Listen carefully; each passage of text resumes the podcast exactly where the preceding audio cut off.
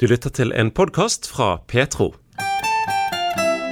Kanskje kjenner du han som programleder for intervjuserien 'Dette er ditt liv', der han hver uke formidler andre mennesker sine historier om tro, håp og levd liv.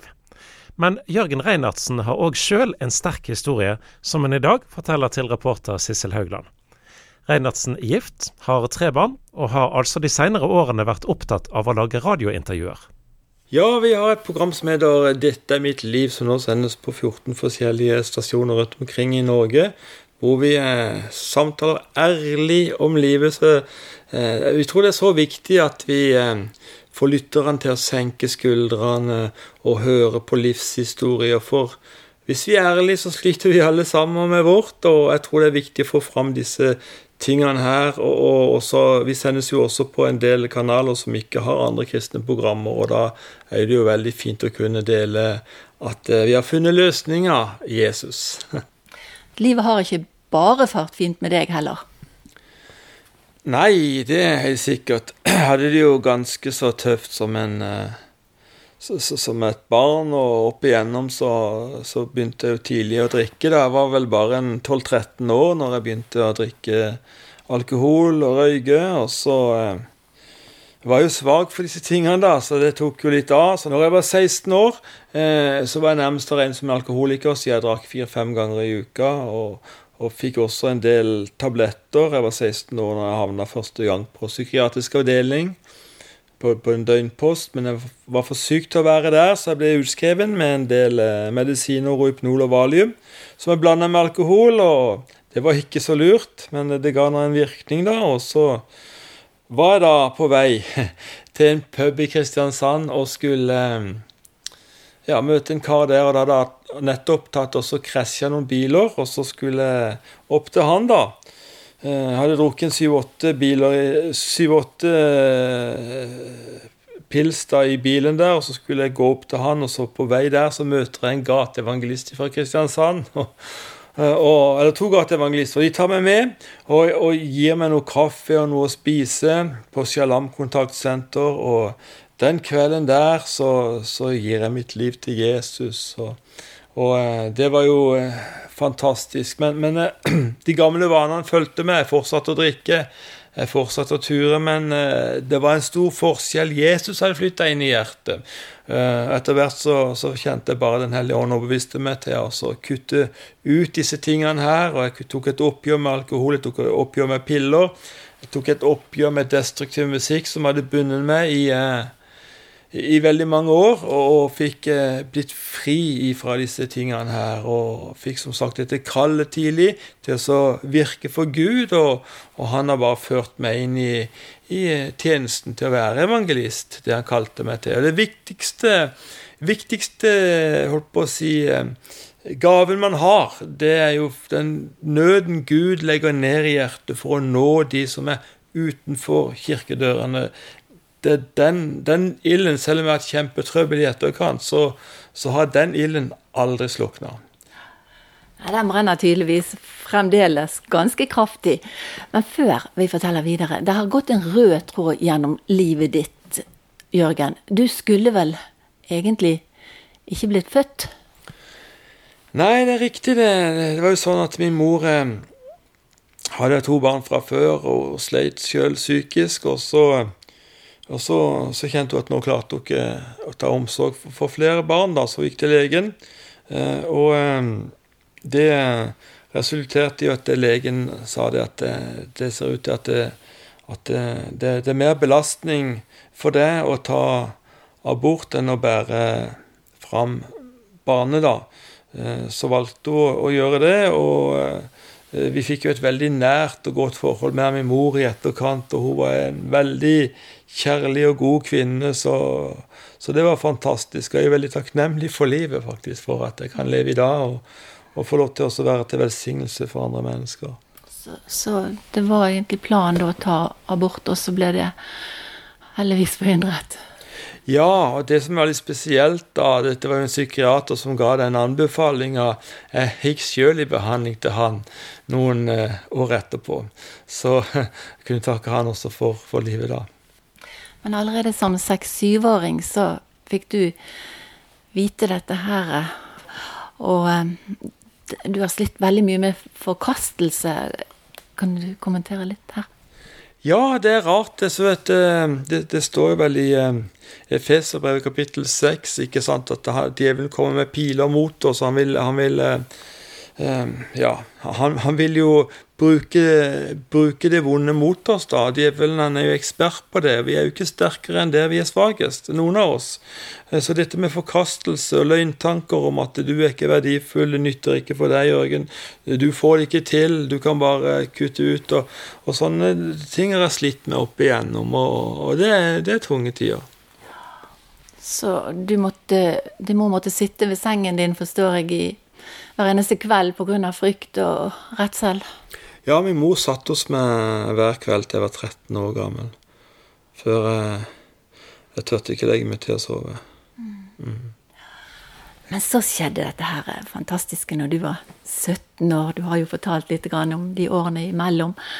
At Jesus eh, grep inn. Altså, du to stykker ba for deg, og sterke ting skjedde. Du var full, eller beruset, og var veldig irritert når eh, Gud rørte ved deg, for du hadde jo betalt sikkert mye for de pilsene. Og så kommer Gud på den måten og løser deg ut. Ja, altså, det stemmer det at eh, det var jo ikke så Når man nettopp hadde fått den rette stimen, kom inn den rette stimen, og så ble man plutselig edru. Det var jo ikke planen. Så Men uh, for all del, uh, det skjedde noe den kvelden. Jesus flytta inn, og jeg kunne ikke bli den samme igjen. og uh, Den ene gateevangelisten og kona også, de var jo veldig tålmodige med meg, for jeg oppsøkte de både seint og tidlig, for jeg måtte høre mer om Jesus.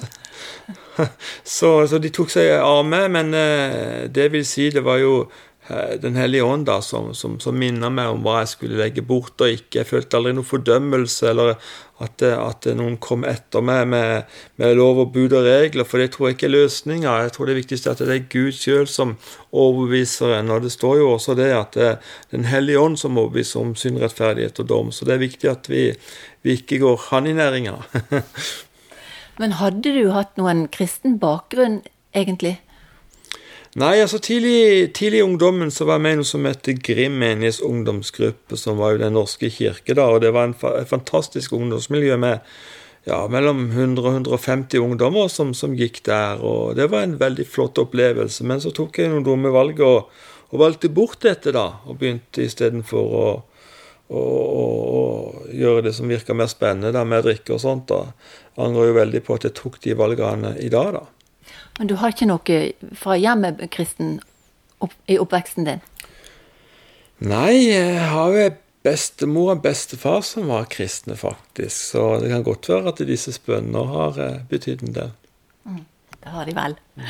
Men Jørgen, i bilen etter at disse her hadde bedt for deg og alt sånt, så, så kom det en Guds stemme på en måte at du Hva han ville med deg? Ja, jeg var på vei til kjæresten min i Vennesla. da. Hun heter Marit. Vi traff hverandre når hun var 14 år og jeg var 15 år. Og i disse dager her så er det faktisk 40 år siden vi, eh, vi traff hverandre. Og når jeg skulle på vei opp til henne, så hører jeg denne stemmen. Du skal bli evangelist. Og straks så fikk jeg denne nøden i hjertet for å nå mennesker med evangeliet. og og ja, det, det som sagt er det viktigste eh, viktigste forutsetninger man kan ha. Det er liksom nøden for de fortapte hvis man skal være evangelist. Eh, for eh, viktigste utrustninga man har. Årene gikk, og etter hvert, når du ble 26 år, da møtte du skikkelig veggen. Da innhentet gamle ting deg igjen? Ja, det stemmer. det. Jeg hadde en jobb som uh, jobbet, drev eget firma. da. Jeg hadde agentur på salg på Sørlandet. og så uh, jobba jeg 60-70 timer med den jobben, og så er det to andre jobber i tillegg. Uh, og da møtte jeg rett og slett veggen, altså. Det var jo ikke noe lurt å gjøre det, men, men uh, var ung og hadde vel ikke så mange begrensninger, kanskje. Så dermed så kom angsten tilbake igjen. Jeg jo med en voldsom panikkangst da helt siden barndommen, og den kom tilbake. Jeg hadde en seks-syv gode år, vel. Fikk jo fullført utdannelse etter hvert også mens jeg var syk, faktisk, på det som er Universitetet i Agder innenfor økonomi og markedsføring og sånt. da, Men eh, ja, det tok faktisk 17 år, da, hvor jeg jobba lite, var, var, veldig syk, og så begynte jeg så å få eh, mye medisiner. Så jeg fikk jo mye nervemedisin, og etter hvert så fikk jeg også elveprolaps i ryggen i løpet av 13 år. Som gjorde at jeg hadde sterke smerter hver dag i 13 år. Og jeg eh, fikk jo mer medisiner også for det. Til slutt så ble jo det største problemet var verken angsten eller smertene, men det var eh, medikamentavhengigheten. Det tok meg helt Jeg overbeviste meg sjøl om at eh, livet kan ikke ikke fungere uten medisiner. Jeg blir nødt til å ha disse medisinene. Så jeg satt jo selvfølgelig på legekontoret og maste for å få mer og mer medisiner. Og selv om jeg fikk utskrevet da totalt 60-70 eh, tabletter daglig, så var jo ikke det heller nok. Så eh, jeg, måtte, jeg hadde kopimaskin hjemme, så når jeg kom hjem, så, så tok jeg jo kopierte resepter og gikk på enda flere apotek. så det tok fullstendig av. Hva skjedde videre, da? Hvordan klarte du å komme videre i livet og ut av det? Ja, altså det var jo noen apotek som oppdaga at uh, faktisk uh, det, det, disse reseptene er ikke ekte, da, så da ble jeg jo tatt for det. Nå hadde jeg jo uh, fått en god relasjon til noen på lensmannskontoret i Vennesla i og med at jeg hadde hatt noen store rusfrie arrangementer og sånt. da, Så kan være at det var medvirkende til at jeg fikk en ny sjanse til å legge bort Eh, den kopieringa og sånt, da, det gjorde jeg når jeg fikk den sjansen. og eh, Det var bra, men eh, jeg hadde et kall i livet til å være evangelist. Jeg hadde familie, kone og tre barn, og jeg, følte meg verken som god som ektemann eller som familiefar. Jeg, jeg så, så, hvor dårlig jeg egentlig var som, som menneske. Veldig egoistisk. Eh, jeg tenkte stort sett på den neste dosa med medisiner. Det var det livet handla om. Eh, og det, det, står jo om en kar i Lukas 15 som kommer til seg sjøl, for han har satt alt over styr. Og det var vel det jeg gjorde. Jeg kom til meg sjøl. Og jeg ba til Gud altså Gud, nå må du gripe inn i livet mitt. Jeg klarer ikke dette livet sjøl lenger. Jeg er til belastning for familien. Jeg fungerer ikke som evangelist lenger. Gud hjelp meg, altså. En virkelig hjertebønn. Og så, så gikk det bare en eh, ja, syv-åtte måneder, vel, tror jeg det gikk, omtrent. Eh, så ble jo den legen som skrev ut alle disse medisinene, sykemeldt. Eh. Og da ble jeg syk, for da, da fikk jeg jo mye mindre medisiner utskrevet. Og da Ja, jeg ble så syk at jeg havna på lukka psykiatrisk avdeling. Eh, fikk kraftig epilepsianfall eller ramla bare mens jeg gikk, holdt jeg på å si, og, og ble liggende og riste hele meg, og det fråda av munnen på meg, hele kroppen ble blå fordi at det var sånn veldig kraftig epilepsianfall. Uh, og vært en stor, veldig stor belastning for familien. Så det, det ble veldig mange tøffe, tøffe tak fordi eh, kampen eh, mot tablettene, den måtte jeg faktisk ta stort sett grad ta den hjemme, da. Eh, etter ei ukes tid der på lukka psykiatrisk, så eh, kommer jeg meg ut på verandaen eh, mens jeg har besøk. Og så var det fra andre etasje, så jeg slipper meg ut på verandaen der. Og så får brekker jeg ryggen idet jeg, jeg ramler, da. Eller får brudd i ryggen. Så prøver jeg å løpe av gårde da, med, med brudd i ryggen. og Det var ikke så lett, så de innhenta meg fort personale der. og og river meg opp trappene, og jeg skreik og hylte, for jeg visste jo ikke hva som hadde skjedd i ryggen da. Ikke de heller. Men det ble konstatert dette, så jeg havna i en rullestol. og, og eh, men allikevel så var jeg ikke psykotisk per definisjon, selv om jeg var veldig sprø. Så jeg ble sendt hjem i denne rullestolen med sånn prekestol og med dostol og med krykker for å trene meg opp igjen. Og 14 dager deretter så ligger jeg på kne hjemme på på stuegulvet. For jeg, jeg, var så syk. Jeg så bare én time i snitt i løpet av åtte uker. Bare det, så kan man jo bli, eh, bli syk av. Um, så én time i snitt eh, per natt i åtte uker sov jeg. Uh, og så Det jeg kunne gjøre, det var også også spille kristne sanger. Jeg klarte ikke å åpne Bibelen, jeg klarte ikke å konsentrere meg i det hele tatt, men jeg kunne spille kristne sanger og fikk tak i ett ord der og ett ord der som jeg tok til meg. Så jeg starta på begynnelsen av sangen igjen for å få med meg hele eh, eh sammenhengen i sangen. Og mens jeg lytter på denne eh, sangen, da, som het 'Løftene kan ikke svikte', nei, de står evig fast, så griper Gud inn og fjerner smertene i ryggen. De bare ble borte. Eh, og eh, samme sommeren, nå er jo dette tolv år siden i år, så forsvant den grufulle angsten som hadde plaga meg mer eller mindre siden barndommen.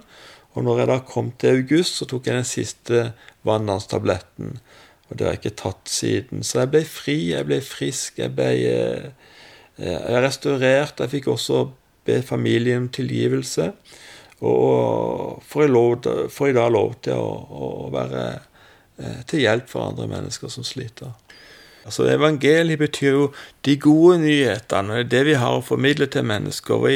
Det er jo så mange mennesker som sliter, så mange mennesker som har en veldig tøff hverdag.